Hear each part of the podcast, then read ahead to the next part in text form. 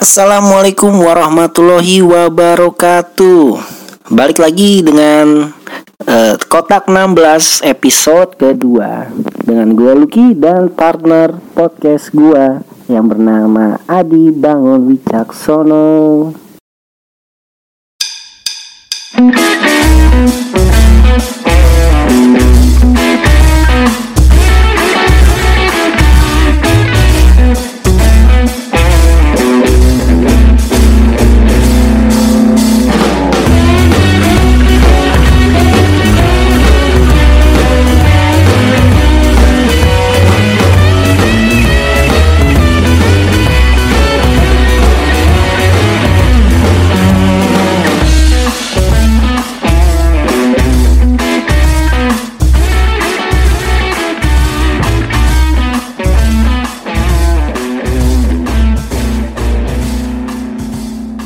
Balik lagi dengan gue Lucky di Kotak 16 uh, eh, episode 2 dengan partner gue Bangun. Coba perkenalkan diri lu dulu, Wo, ke para pendengar kita. Assalamualaikum warahmatullahi wabarakatuh. Perkenalkan, nama gue Bangun Adi Caksono. Gue dapat undangan nih dari temen gue Lucky di podcastnya dia kotak 16 nih. Untuk mau bahas sepak bola internasional juga nasional. Ya mungkin cara seperti ini bisa ngilangin kegalauan kita nih. Yang selama ini udah satu bulan lebih ya tanpa sepak bola. Tahu pengen harus sampai kapan kayak gini.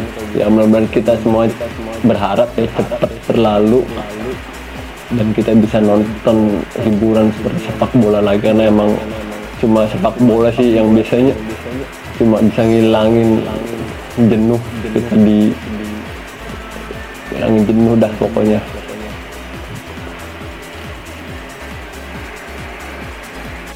Iya tadi itu perkenalan dari sahabat gue Jarwo. Uh, Dia uh, salah satu penikmat sepak bola seperti gue juga sih ya tentang sepak bola nasional, internasional, dari isu-isu sepak bola, bermacam-macam seperti transfer Windowsnya juga. Uh, apalagi di tengah virus corona ini sepak bola sedang off, tidak ada kegiatan sama sekali. Hanya ada beberapa liga di dunia yang masih berjalan karena di negaranya sendiri masih belum ada virus itu. Dan juga karena kita udah biasa tiap hari dengar bola berita-beritanya, transfer Windowsnya, isu-isunya, perpindahan pemain antar pemain, ah, pemain an, klub antar klub. Ya, jadi gimana ya? Kayak ada sesuatu yang berubah gitu, mekanisme hidup. Seperti misalnya ada liga-liga yang udah berjalan nih, banyak kejutan terbaru misalnya di Premier League, gimana comebacknya United, terus juga kegalauannya Manchester City karena di banner atau FIFA atau UEFA karena masalah transfer Windowsnya yang sudah melebihi budget yang ditentukan oleh UEFA. Terus juga Liga Italia yang sedang naik daun kalau gue perhatiin. Misalnya Juventus mulai mendapatkan kompetitornya sekarang. Misalnya dari Inter Milan yang udah mulai naik dengan ekspansi pemain-pemain ex Premier League seperti Lukaku, Ashley Cole dan yang terbaru sih Erikson dia ada sedikit nilai positif di membawa nilai positif di Inter Milan. Tetap aja sih ini masih progres karena di situ ada pelatih yang sangat baik yaitu si uh, Conte yang dulu sempat membawa Juventus membawa atau meraih gelar Serie A. Dan menurut lu gimana nih, Wo? Tentang liga-liga dunia yang mulai terhenti. Apalagi kita karena udah biasa juga masalah bola ini setiap hari kita tonton ya. Minimal kita lihat highlightsnya di YouTube atau di segala macam platform ya. Menurut lu gimana ya misalnya kalau bola itu terhenti sampai di akhir musim dan juga banyak agenda-agenda sepak bola di tahun ini yang akan terhenti efeknya seperti apa? Seperti penurunan tensi permainan atau segala macamnya atau uh, bisa berubah alur kekuatan perputaran sepak bola dunia di situ. Mungkin nggak ke situ, menurut lo? menurut gue sih efeknya sangat banyak karena kompetisi benar-benar sudah benar-benar sudah lama gak berjalan para pemain pun harus latihan latihan sendiri nggak bersama dengan timnya mungkin saat mereka jeda internasional jeda kompetisi biasanya mereka ngumpul tetap berlatihan bersama mungkin negaranya mungkin dengan klubnya. Tapi kan ini mereka nggak bisa mereka nggak bisa untuk kumpul bersama tim teman-temannya atau timnya. Yang pertama mungkin setelah nanti kompetisi dimulai lagi gue yakin underperformance. Jadi performa mereka bahkan yang sedang bisa turun gitu loh stamina lah jadi yang sering jadi mereka gampang mungkin jadi rawan cedera juga. Dan entah mereka masih bisa ngebaca strategi pelatih atau tidak juga kita nggak tahu ya. Mudah masih bisa ya biar masih lalu kompetisi ini kompetisi gimana ya? Udah lama banget banget lagi kita lagi seru-serunya. Udah pengen menjelang udah putaran kedua udah pengen misalnya penentuan lah penentuan. Dari kita lihat di Liga Inggris ya Liga Inggris Liverpool. Sekarang lagi pro kontra nih. Kalau dihentikan apa Liverpool bisa diserahkan gelar juaranya? Atau kalau dilanjutkan atau kalau lanjutkan juga kita nggak tahu kapan gitu kan. Di Liga Italia juga lagi seru-serunya karena Juve sekarang ada persaingan hanya satu poin dengan Lazio terus di Liga Spanyol juga biasalah klasiko masih kejar-kejaran poin.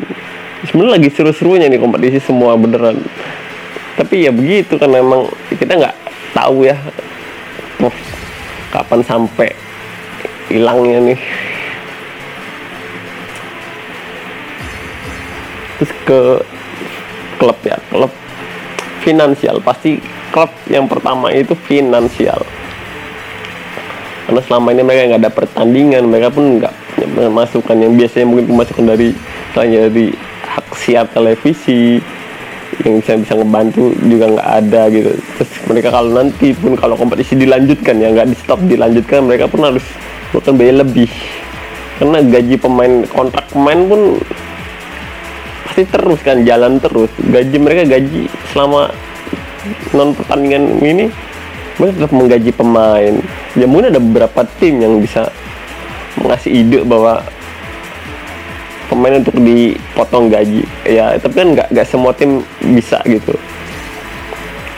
Ya menurut gue sangat efek lah karena terutama di Euro 2020 ya. Padahal kita sekarang eh, pengen Euro 20 dengan format terbaru format 24 tim.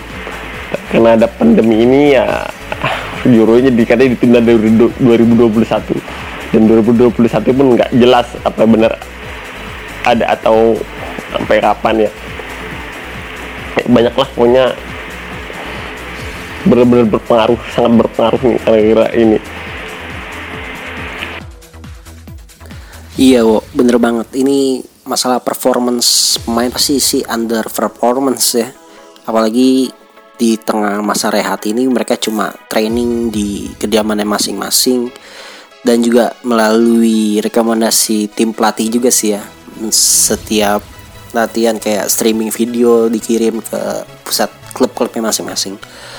Terus juga tentang Liverpool nih dia gue bilang sih suwe dia. Udah 30 tahun dia menunggu eh sorry ya bener 30 tahun. Hampir 30 tahun dia nunggu untuk juara. Sekalinya juara eh ada virus ini. Ya mudah-mudahan sih para para Liverpoolian ini para kopet kopetis ini bisa bersabar ya untuk menantikan juaranya lagi di musim yang akan datang. Semoga Jurgen Klopp juga masih masih mau megang Liverpool karena ada isu juga dia pengen melatih timnas Jerman. Terus tentang Euro 2020 ya kejelasannya belum ada ya tentang dia itu mau diputar di tahun ini atau di 2021 karena di tahun ini pun kayaknya sih nggak akan bisa karena Eropa lagi dihajar habis-habisan nih dengan virus ini. Jadi sayang ya padahal formatnya ini format terbaru 24 tim. Banyak pemain-pemain pemain baru atau pemain-pemain yang dulu masih rising star sekarang udah jadi pemain yang di masa-masnya yang kita pengen lihat. Terus juga malas uh, marah eh sorry masalah supporting ya dari para sponsor di liga-liga Eropa kayaknya sih udah mulai mengeluhkan karena tidak adanya kompetisi berjalan. Jadi ada beberapa tim atau kebanyakan tim-tim besar yang memotong gajinya karena masalah virus ini. Jadi mereka pemasukannya berkurang. Terus juga seperti Juventus juga ada isunya dia nggak kuat untuk bayar gaji Cristiano Ronaldo. Jadi ada kemungkinan Ronaldo di musim yang akan datang tuh dia bisa juga pindah ke liga yang lain atau dia comeback ke United atau dia mau pulang kampung ke Sporting Lisbonnya. Nah, kita lihat aja sih nanti perkembangannya kayak gimana ya. Terus juga dari sepak bola nasional juga lagi terus isu terhangat nih seperti Ratu Tisha Destria ini yang kemarin mengundurkan diri ya. Gue sih menyesalkan sekali nih dia mundur meskipun dia ada permasalahan di eranya Joko Driono tapi yang gue acungi jempol di dia adalah dia bisa memutar rot roda organisasi sewajarnya atau dengan normal. Bahwa organisasi itu ya harus mengembangkan pemain-pemain muda yang kemarin dia coba puter seperti Elite Pro Academy dari under 16, 19 sampai under 21 gitu sih terus juga ada program-program Garuda Select yang untuk percepatan untuk pemain-pemain muda Indonesia ini dapat masukan atau teknik-teknik baru dalam sepak bola yang dipegang langsung oleh legend Chelsea ya Dennis Wise itu. Dan juga si uh, sorry satu lagi gue lupa namanya. Itu yang juga mantan pemain Liga Inggris juga. Salah satu pemain timnas Inggris juga mudah-mudahan sih setelah si Tisha ini berhenti programnya itu terus berjalan lah. Dan ditambah di tahun ini pun di Asia Tenggara khususnya juga kita menghadapi Piala AFF sih ya di 2020 nih. Terus ada kemungkinan Thailand itu akan menurunkan lapis keduanya. Gue rasa dia mungkin ngerasa udah ya AFF udah nggak nggak penting lah dia lebih ke Asia atau ke dunia. Itu sih. Jadi ada kemungkinan kita bisa uh, juara di tahun ini mudah-mudahan sih ya jangan sampai kita nasib kita kayak Liverpool juga dan juga di event tahun depan di Piala Dunia Junior di Indonesia semoga bisa rampung setelah banyak masalah di tahun ini. Oke, nanti kita akan membahas topik selanjutnya di topik kedua.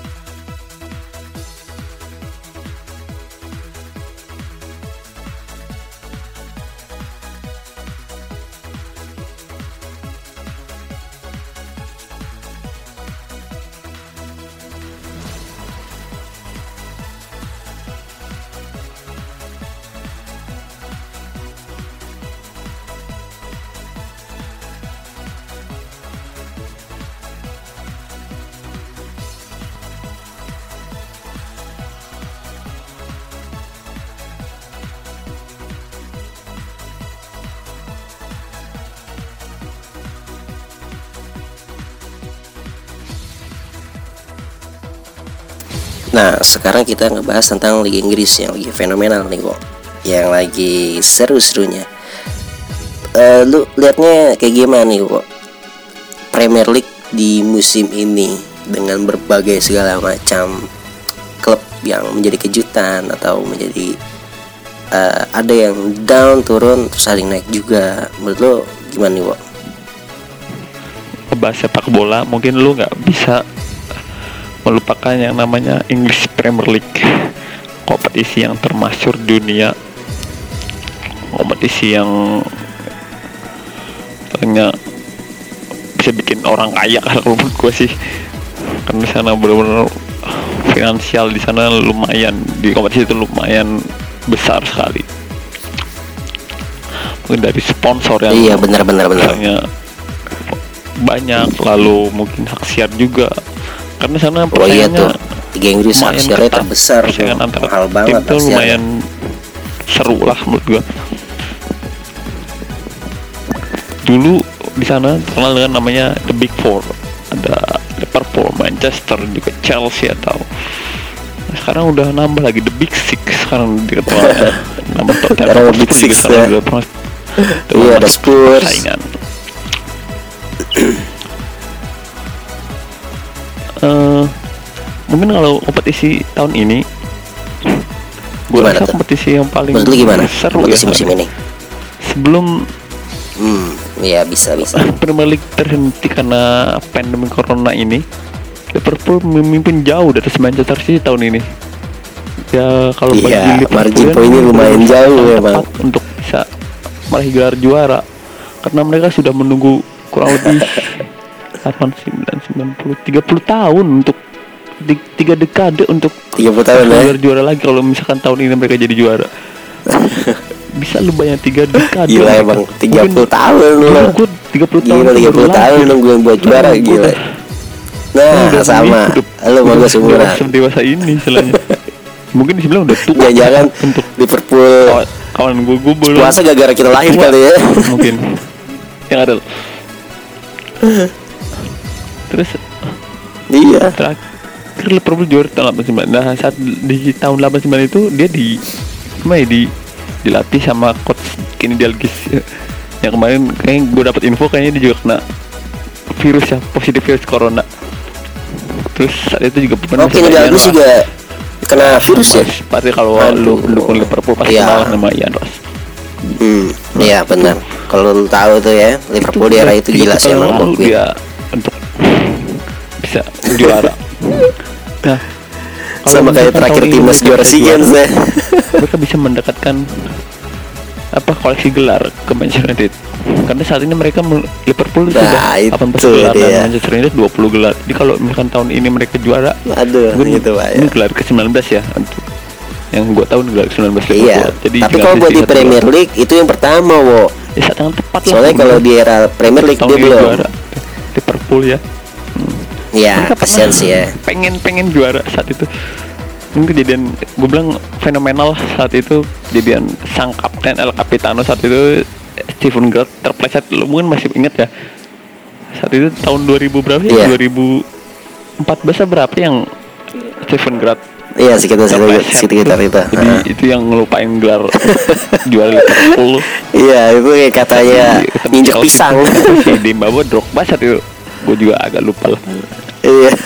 Itu justru tuh. Liverpool hampir juara. Itu kalau misalnya dia menang ataupun seri mungkin bisa bisa juara. Dan gara-gara kejadian itu mereka ah itu dan dia. Akhirnya disalip Manchester City. Ah. Ya itulah sepak bola ya kita nggak iya tahu. karena selain kita jago baca strategi juga ah, di Fortuna tuh berpengaruh. Keberuntungan itu sangat berpengaruh. Nah Itu kita paling lagi penting. Liverpool yang untuk tahun ini. Apa tuh? Liverpool tahun ini di, Gimana, gimana? di dilatih oleh Jurgen Klopp. Lu tau lah di klub itu pelatih gue Hmm, gue rasa hmm. pelatih top. Gue ngeliat permainan Liverpool tahun ini bener-bener full attack, full full attack.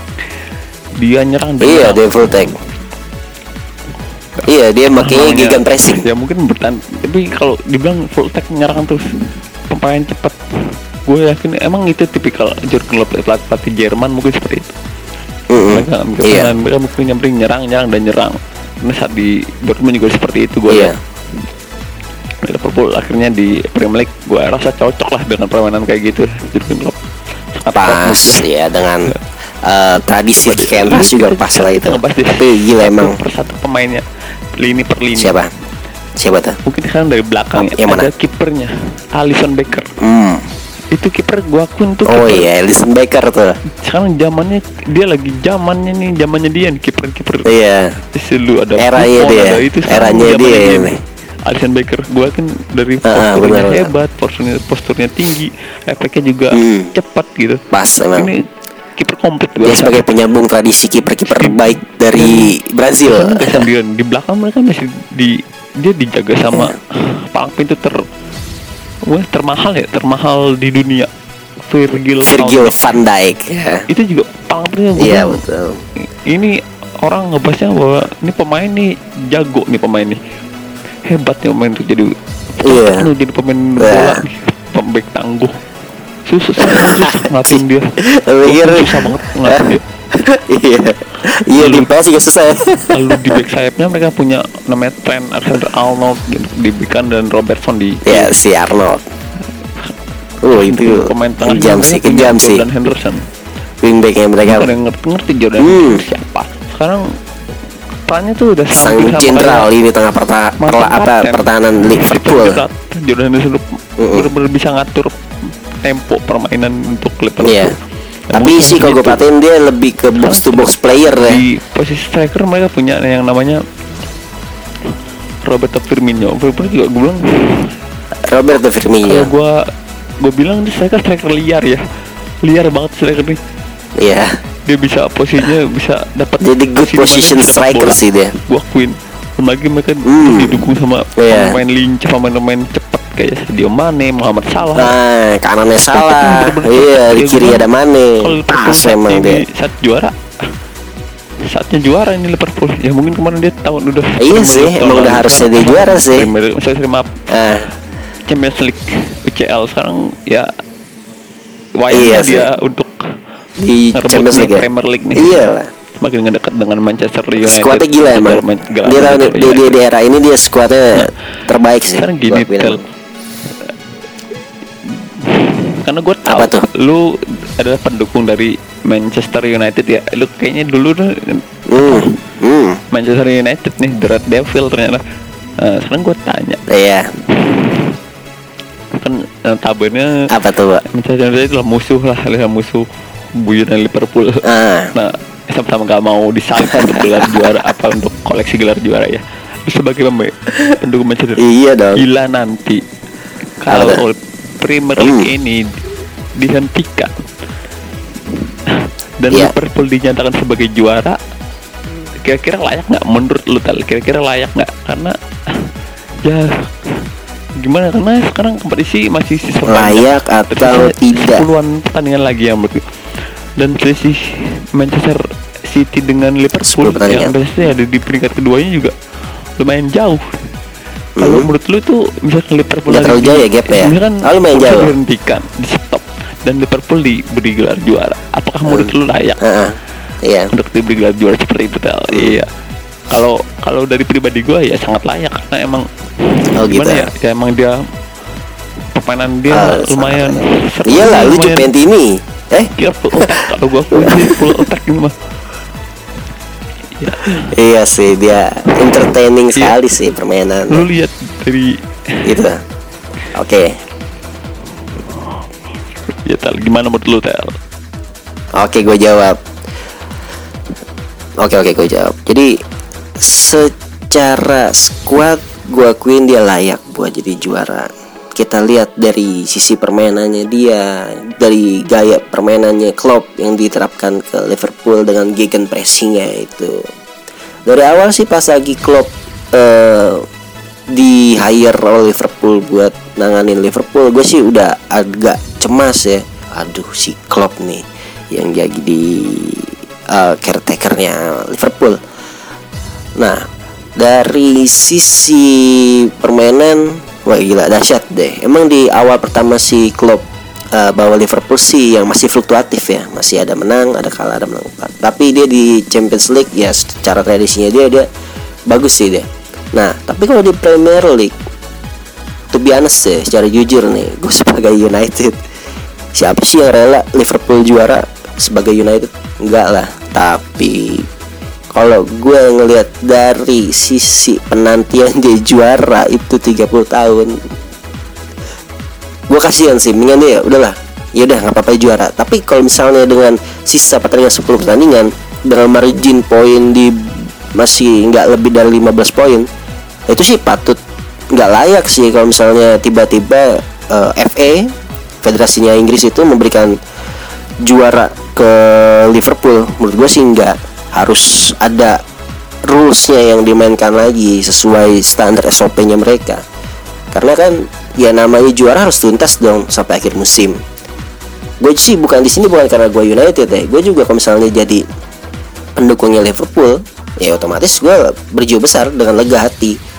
Kalau emang mereka ngerasa squad mereka bagus ya so must go on lah di musim depan juga. Kalau misalnya dia emang bagus dia bisa ngulangin hal yang sama kayak di musim ini menurut gue gitu apalagi kan uh, sorry itu saya ini United juga lagi comeback nih dengan masuknya Bruno Fernandes. Lu tahu kan lu efeknya wo di situ si Fernandes.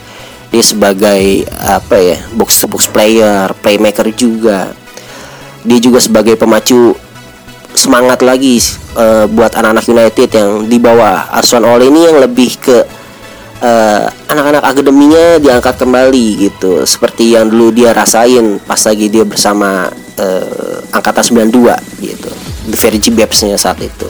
Dia coba ngulangin lagi bahwa udahlah kita United. Kita ini pencetus pemain-pemain hebat. Bukan kita membeli pemain-pemain mahal untuk dibawa ke United. Mungkin satu atau dua boleh lah. Dan gue rasa sih di musim depan kompetitornya untuk menjadi juara Premier League itu lebih dahsyat sih kalau gue bilang. Soalnya yang terbaru nih uh, Pangeran Salman ya uh, dia membeli Newcastle. Dan di antara semua owner yang ada di Premier League klub-klub itu ya terkaya ya Pangeran Salman. Kita lihat aja nanti pergerakannya dia di transfer Windows itu seperti apa. Apalagi ada ada ada sedikit uh, nyentil nih dari pendukung Newcastle. Bahwa dia ingin membeli apa yang ingin dibeli oleh klub lain. Misalnya di Manchester United dia pengen beli Grealish itu juga dia pengen coba ambil. Terus juga mencoba Jadon Sancho. Itu juga dia mau salib tuh bawa bawa ke Newcastle. Dan juga yang terbaru nih isunya si Harry Kane itu kan sempet kayaknya galau ya di Spurs. Uh, karena di Spurs kayaknya sih buat ke Premier League berat lah belum bisa gitu.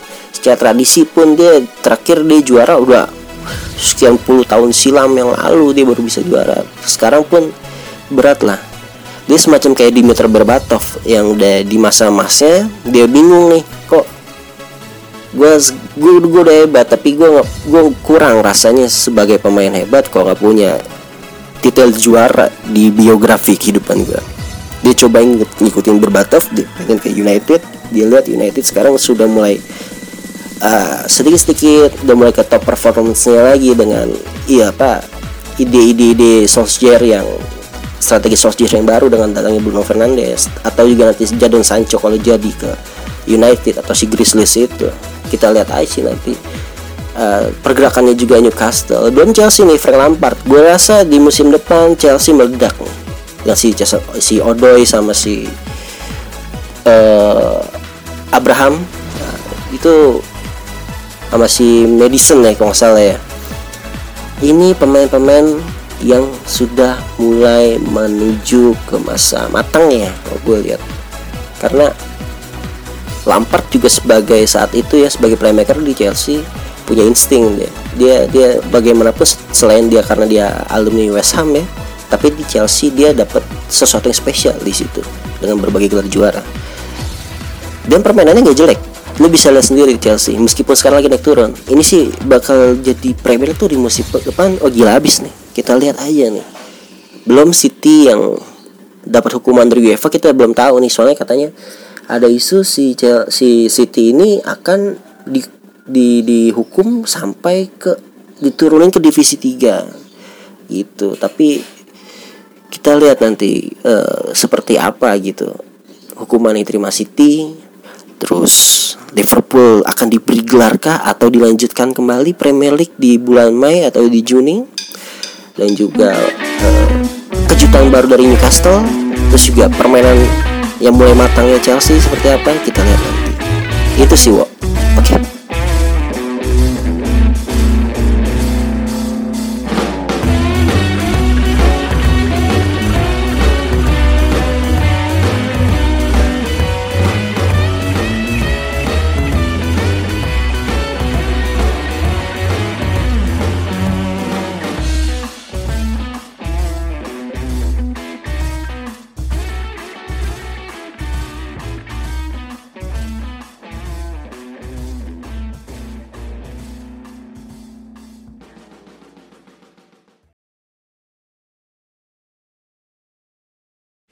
Oke nih kita balik lagi di topik ketiga kita. Kita akan membahas tentang sepak bola nasional.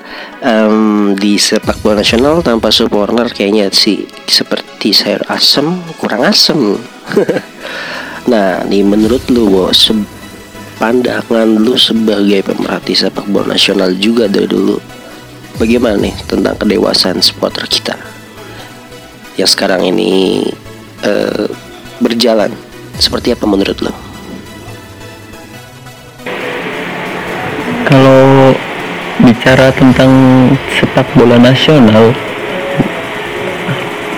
mungkin di benak gua nggak bisa lepas dari namanya kerusuh men kerusuhan. Khusus supporter antar supporter. Bahkan sekarang lebih hebat lagi supporter stadion. Karena hasil pertandingan tidak memuaskan mereka bisa merusak stadion ini juga sering terjadi di Indonesia. Ya sorry bukannya meng-underestimate liga apa sepak bola nasional tapi ya emang itu yang sering terjadi gitu loh. Fanatisme yang berlebih kadang membutakan mata hati mereka. Bisa bisa menjadi kejam bisa saling tikam antara sama supporter bisa saling makan saling bunuh antara supporter. Itu kan ngeri banget menurut gua mungkin kalau ada anak EBG nih anak-anak EBG yang di demen-demen demennya bola. Mereka minta izin ke orang tua untuk nonton bola di stadion. Itu pasti orang tuanya bakal berusaha gimana caranya untuk melarang gitu. Karena bener para orang tua itu berpikir bahwa untuk bola di Indonesia itu cuma rusuh yang ada. Lu cuma bakal nganterin nyawa doang ke stadion itu. Gitu tapi kalau kalian big match yang besar. Yang lu tau lah fanatismenya Buta Viking sama The Jackmania itu luar biasa mereka dukung timnya. Asal mereka bentrok pasti ada korban. Entah korban luka entah korban meninggal bahkan ada juga. Kan ngeri kan kayak gitu. Nggak sepantasnya bola seperti itu gitu loh lu lihat asal di- apa asal Persija Jakarta away ke Bandung tanpa Jack dan sebaliknya. Persib away ke Jakarta tanpa Vicky Boboto kan kurang seru itu pertandingan paling seru. Pertandingan klasik kalau menurut gua. Kalau nggak diadain penonton kan ya gimana ya? Ya nggak seru kalau tanpa penonton terus mereka di dalam stadion saling adu cem itu kan lebih positif ya. Iya tapi sayang gak pernah itu terjadi. Sama halnya di Jawa Timur. Ada bonek sama Aremania. Mereka saling berseteru saling saling saling bentrok. Pasti ada korban. Pasti ada korban. Itu kan juga sangat ngeri banget menurut gue kan? Iyalah. Gak sepantas sepak bola seperti itu. Lebih gue heran di Yogyakarta gue nanggap Jak Yogyakarta itu adalah surga bagi turis ya. Karena orang Jogja itu ramah santun welcome sama turis sama pe- pendatang itu welcome. Tapi kenapa kalau udah ngomongin sepak bola mereka sangat-sangat kejam bisa berubah jadi kejam. Eh, itu kan ngeri ya nggak? Coba lu lihat PS Sleman sama PSM Yogyakarta asal bentrok pasti mereka rusuh. Pasti itu ya itulah mereka. Terus pada masa fanatismenya sangat gue tuh berlebihan gitu loh. Fanatismenya mereka tuh berlebihan tapi gue berharap sih jangan sampai ada istilah namanya ini perseteruan abadi antar supporter. Jangan. Karena udah ngomongin seteru abadi itu kan berarti abadi selamanya. Nggak bakal pernah hilang. Ini mereka manusia kok. Mereka masih bisa didamain mereka masih bisa bareng-bareng ke stadion. Mereka masih masih bisa bernyanyi satu stadion ayolah kita kita jangan jangan berpikir apa ya? Udah kita pengen damai gitu. Kita pengen nikmatin sepak bola Indonesia. Enggak tapi dibalik dibalik gimana ya? Dibalik dibalik fanatisme yang berlebih itu ada sisi positifnya selain sisi negatif yang tadi gue bilang. Ada sisi positifnya. Lu lihat asal timnas main di mana pun timnas main pasti ada namanya support Indonesia. Di Asia lu lihat timnas main di mana yang nggak ada support pasti ada support Indonesia itu. Itu juga hebat gue bilang fanatismenya tuh luar biasa.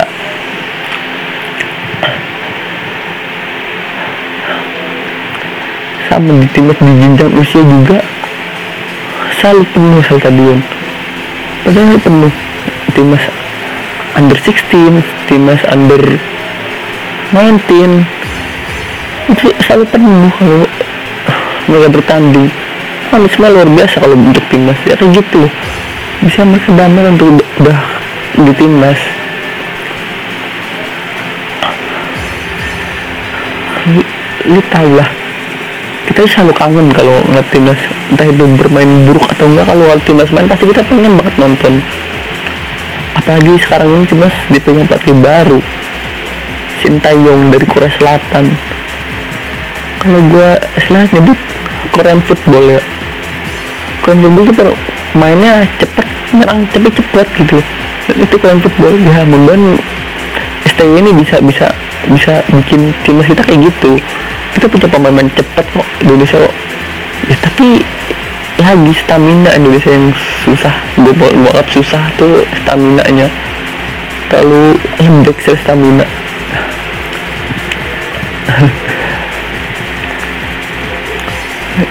Terus untuk kita nih sebentar lagi pengen namanya jadi tuan Piala Dunia U21 2021 nanti ya. Iya Piala Dunia. Sebenarnya itu gimana ya? Ajang ajang pas lah buat gue menurut gue ajang pas gitu. Kita bisa nunjukin Indonesia bisa nunjukin ke FIFA ke dunia. Bahwa kita bisa jadi rumah yang baik. Jadi orang menunjukkan kita tuh orang-orang ramah bukan orang yang perusuh yang kemudian nanti saat di Palembang itu nggak ada yang kerusuhan. Dan biar orang FIFA tuh tahu orang dunia tuh tahu kalau kita tuh damai. Ya gue harap tapi kalau ini tetap jalan nih. Karena ngeri nih kalau ada pandemi ini ya, berlangsung lama takutnya batal aduh sayang banget kesempatan sebentuk kesempatan depan mata kita bisa jadi tuan rumah piala dunia. Iya sih betul juga uh, sebagian supporter di Indonesia itu emang masih banyak yang rusuh. Terakhir kali itu yang pas lagi kemarin Arema versus PSS Semarang ya yang berawalnya seru pertandingannya terus antar supporter saling saling saling uh, memberikan chance ya. Tiba-tiba uh, di menit-menit akhir uh, ada dari beberapa supporter dari masing-masing dari tribun itu turun. Langsung bablas aja ya dia nyerang. Gila nggak tuh? Gila gue bilang sih sayang banget nih di saat liga kita udah mulai menuju profesional banget nih kalau gue liatin masih ada yang kayak gitu yang tiba-tiba nih turun terus nyerang gitu di antar tribun. Oh gila sih itu riot banget itu gue bilang.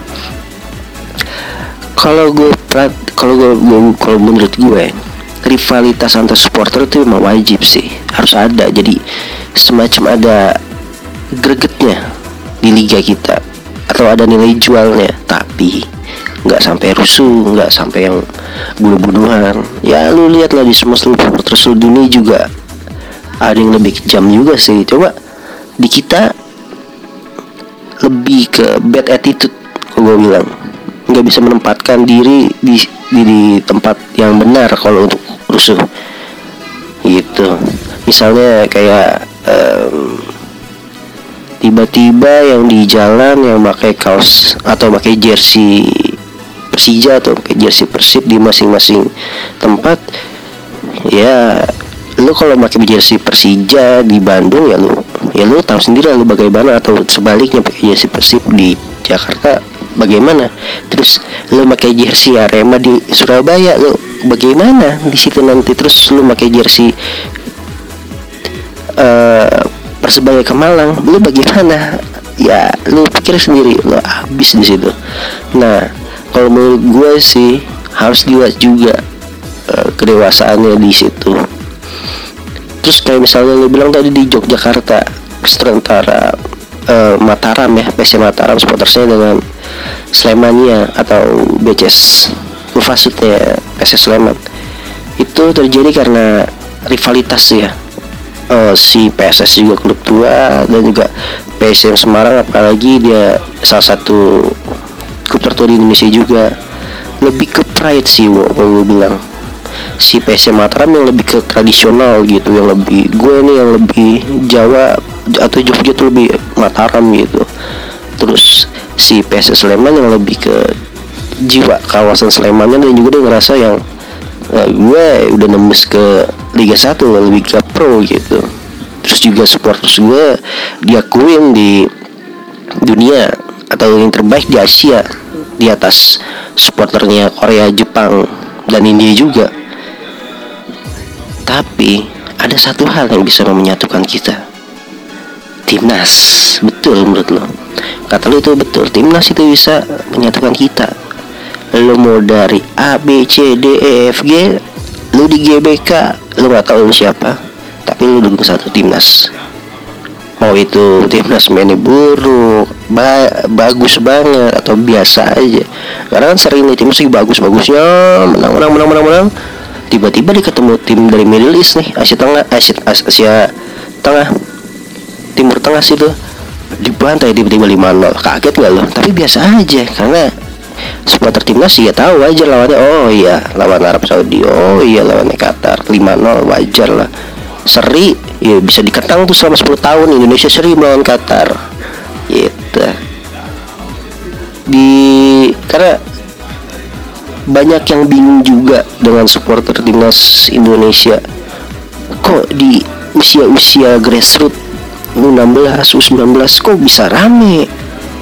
Segitu fanatiknya. Itu menurut gue timnas itu seperti apa ya marwahnya para supporter Indonesia di mana pun ya mau lu 16 kayak lu mau 19 lu main bagus bawa timnas menang lu pasti disanjung dan sebaliknya nah itu sih menurut gue nah menurut lu gimana nih Wo? tentang perkembangan Liga Shopee 2020 yang baru berjalan baru dua pertandingan menurut perspektif lo liga itu sudah semakin baik dari sisi profesionalisme atau bagaimana nih? Oke, coba bagaimana bu? Kalau dari Liga Shopee, sayang banget ya. Kayaknya liga yang lagi merintis tuh di liga profesional liga mulai liga aja liga terbaik di Indonesia terus semuanya terhenti ya. Negara covid nih. Padahal baru dua pertandingan apa dua pertandingan?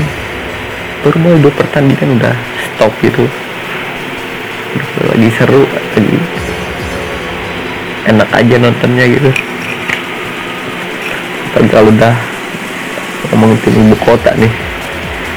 Banget.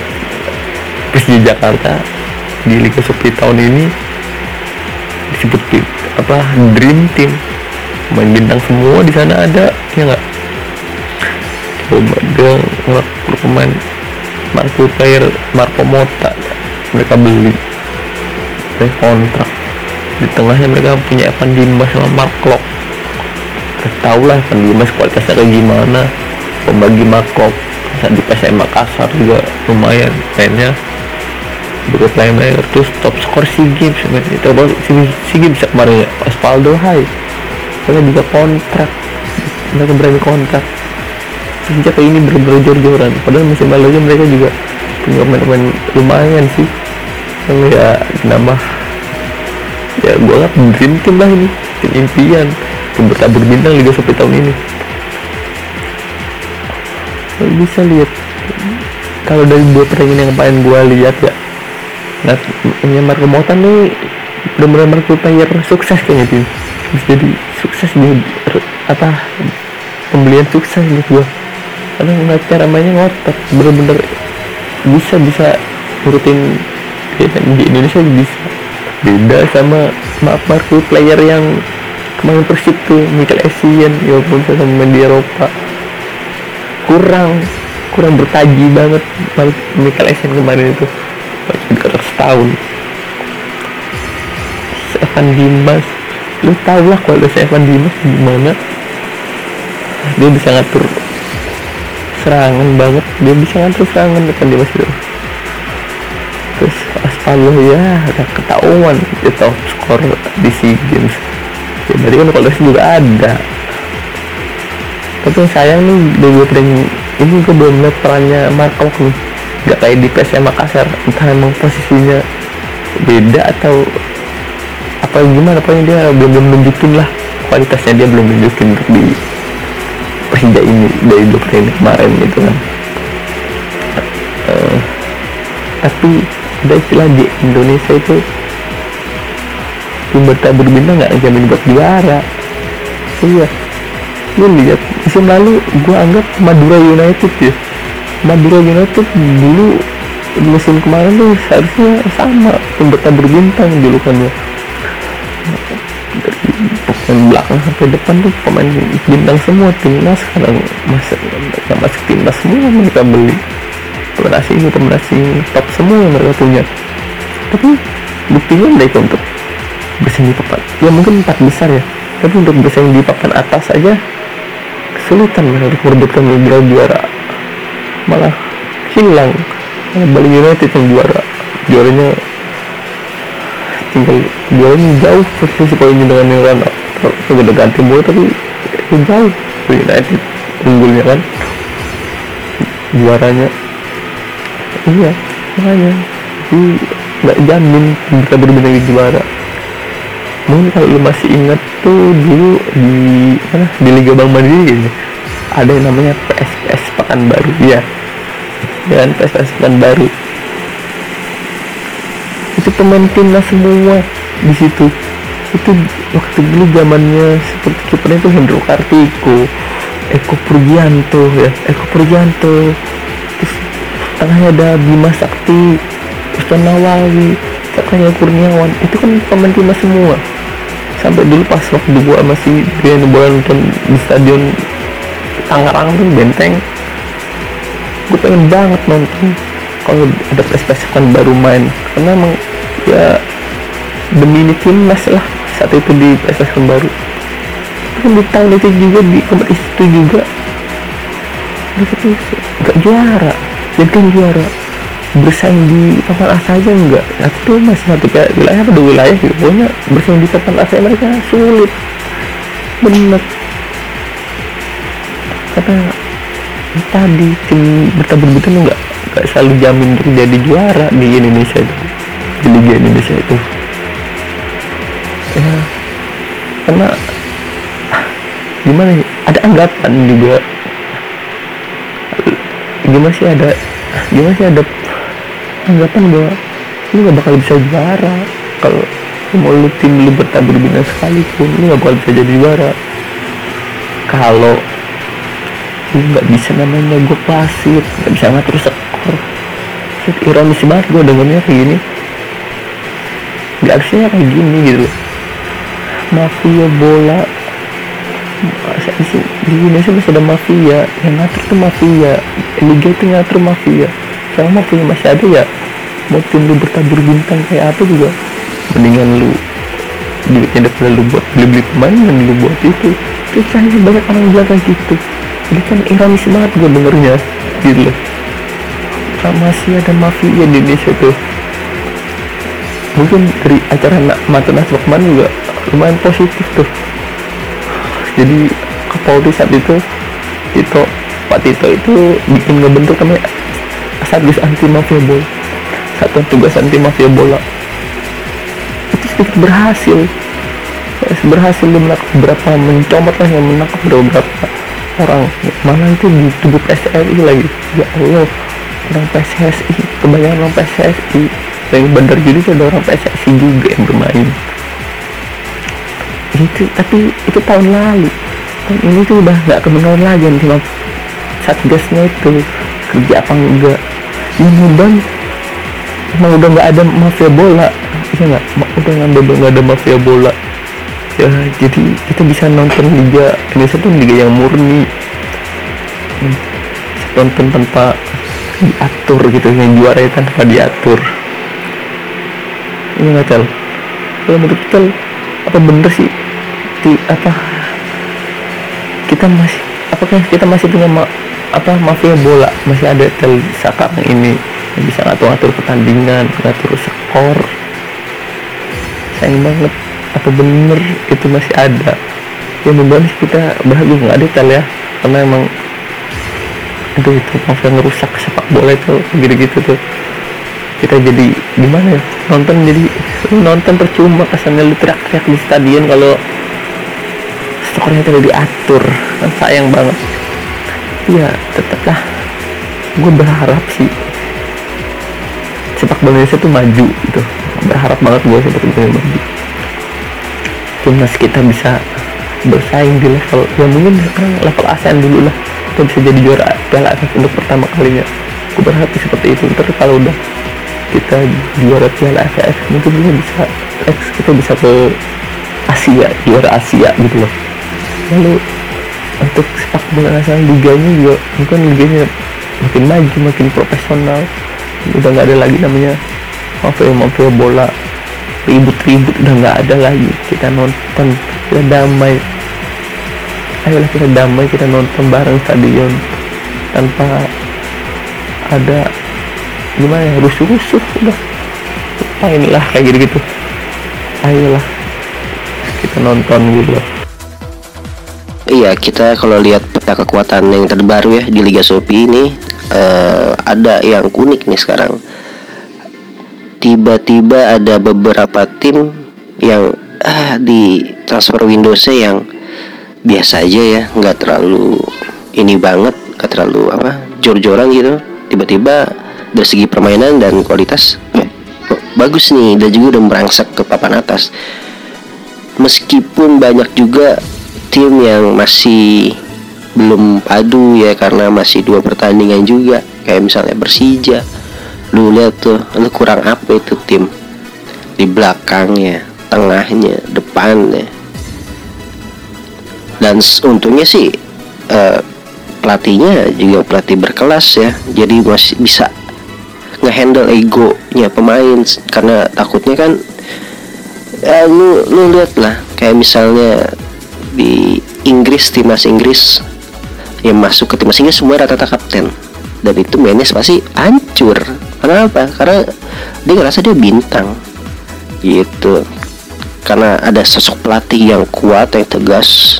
Jadi bisa menekan ego pemain itu. Nah kita balik lagi nih ke tim-tim yang sekarang di papan atas. Gue sih lebih tertariknya Persib Bandung nih wo. Gue lihat weh ini dia semacam ada breakthrough nih. Kayak semacam balik lagi dia ke jalur kemenangan kayak dulu. Eh, di situ gue lihat sih Robert Rene Albert di musim kemarin sih cu- baru dia baru bisa baru semacam ah, menganalisis pemain-pemain yang dia pegang gitu. Karena kan pemain-pemain yang dia pegang musim kemarin nggak semuanya dari pilihannya dia. Karena itu masih dari tim lungsuran pelatih sebelumnya. Nah sekarang nih yang benar-benar racikan dia gitu yang tiba-tiba si Kim Jeffrey itu menjadi starting line up terus ya. Jadi pemain pemain yang box box player itu bagus banget gitu. Terus juga ditambah strikernya itu si Castelleon sama si Wander Luis de Silva asli itu keren banget tuh striker berdua. Dua tinggi badan kokoh bagus. Dengan skill uh, Castelleon yang buat kayak holding bolanya tuh ya bagus banget Eropa banget gitu. Yang dididik dari umur 9 tahun gitu akademinya pasti. Uh, terus juga si Wendell Lewis gitu yang dia tipenya ya semacam kayak Crystal Gonzalez ya. Lu kasih peluang dia dikit gol. Karena dia punya killer instingnya bagus dia. Selain juga dia skill Brazilnya juga bagus kan. Emang keren banget sih gue bilang Persib nih musim ini. Terus tentang kayak kemarin tuh uh, yang gue perhatiin juga tuh ke PSS Semarang. Ini tim nunggu waktu. Soalnya apa? Dia tidak merombak banyak pemain di musim sekarang. Itu yang gue lihat karena salah satu kunci suksesnya di tim-tim dunia ya klub-klub dunia nggak nggak nggak yang satu musim ganti pemain satu musim ganti pemain enggak jadi yang gue lihat di situ yang kekuatan pemainnya lebih kekompakannya lebih terjaga. Nggak jadi nggak perlu ada uh, apa ya uh, butuh berlatih lagi bersama-sama untuk padu lagi enggak lu contohnya PSS Sleman sayang banget tuh sih kemarin Seto. Wih keren mainnya. Build up serangannya bagus mainnya rapi. Dengan pemain seadanya dia bisa ngedobrak gitu. Paradigma tim promosi di Liga Indonesia. Dan ya tinggi sayangan sekali. Tiba-tiba ada perselisihan di manajemennya yang sampai ke Brigada Gorfatsit juga abstain kan di stadion. Dia emang keren sih. Kalau kata si kalau kata orang nih gua maunya A tapi itu untuk kepentingan tim dan sangat bagus. Kalau lu nggak bisa penuhin gua nggak akan datang ke stadion. Karena gue tahu uang itu sangat berguna untuk membangun tim. Gitu sih. Ya itulah. Terus juga tentang pemain bintang di era-era dulu Liga Bank Mandiri ya. Kayak semacam PSPS Semarang eh PSPS Pekanbaru. Oh iya tuh. Gila loh. Di situ dream banget. Timnas semua di situ. Itu lagi balik lagi. Karena tidak ada peran pelatih yang tegas kepada pemainnya. Yang membuat pemain-pemain itu tuh egonya tinggi gitu. Karena ngerasa eh gue ya gue gue pemain bintang gue pemain timnas jadi show show of skill doang lah yang uh, responsif tentang pemain-pemain saling saling mendukungnya kurang gue bilang gitu. Nah kita ke Satgas Anti Mafia Bola ya. Kayak tahun kemarin tuh si Joko Driono yang ketangkep ya bagus ketahuan siapa siapa aja si Mbah Putih lah gue bingung gitu di PSSI banyak dari muka-mukanya gue sorry nih gue bukannya yang underestimate seseorang pribadi gitu ya. Maksud gue kok yang seperti ini mengurus sepak bola gitu? Tapi muka-mukanya muka-muka orang-orang politik. Oke okay lah kalau misalnya orang-orang politik itu terjun ke dunia sepak bola tapi lo hire lah. Orang-orang yang benar-benar mengerti bola atau mengerti tentang bisnis di olahraga seperti apa. Terus uh, melakukan kompetisi dari grassroots itu seperti apa. Karena setahu gue PSSI pusat hanya memberi himbauan atau rules ya seperti apa. Tetap asprof asprofnya itu yang menjalankan kompetisi di wilayah masing-masing kayak asprof Banten, asprof Jakarta, asprof Jogja. Selama ini yang aktif kalau berarti itu asprof di daerah Jawa Timur, Jawa Tengah ya. karena jelas di situ banyak pemain timnas juga dari situ ya berarti indikasinya dengan semakin ba- semakin banyak turnamen di usia dini semakin banyak pemain-pemain bagus yang akan berkualitas ke depannya kayak si bagus Kapi Bagas Kava kan ya ya itu hasil dari turnamen grassroots dari dari si usia dini. Nah menurut gue lebih dioptimalkan lah Asprof itu. Dan juga PSSI-nya lebih memperhatikan juga Asprofnya ya nggak mungkin juga si Asprof jalan sendiri tanpa uang ya kan? Eh, dia dia bukan lembaga swadaya masyarakat. Dia juga butuh uang. Kalau PSSI ngasih uang sewajarnya nggak akan ada tuh menurut gue yang mafia-mafia bola itu bisa ke daerah-daerah ya untuk mengobok-obok para jajaran stakeholder bola di daerah gitu. Harusnya sih ada pemasukan yang seimbang. Intinya sih pemasukan kalau menurut gue itu sih menurut gue Wo. jadi eh ya kita berdoa aja lah supaya sepak bola nasional kita semakin baik dan setelah virus covid ini reda ya liga mulai berjalan dan kita mulai ingat lagi tuh klub-klub Liga Indonesia yang mulai merintis kembali asa menjadi juara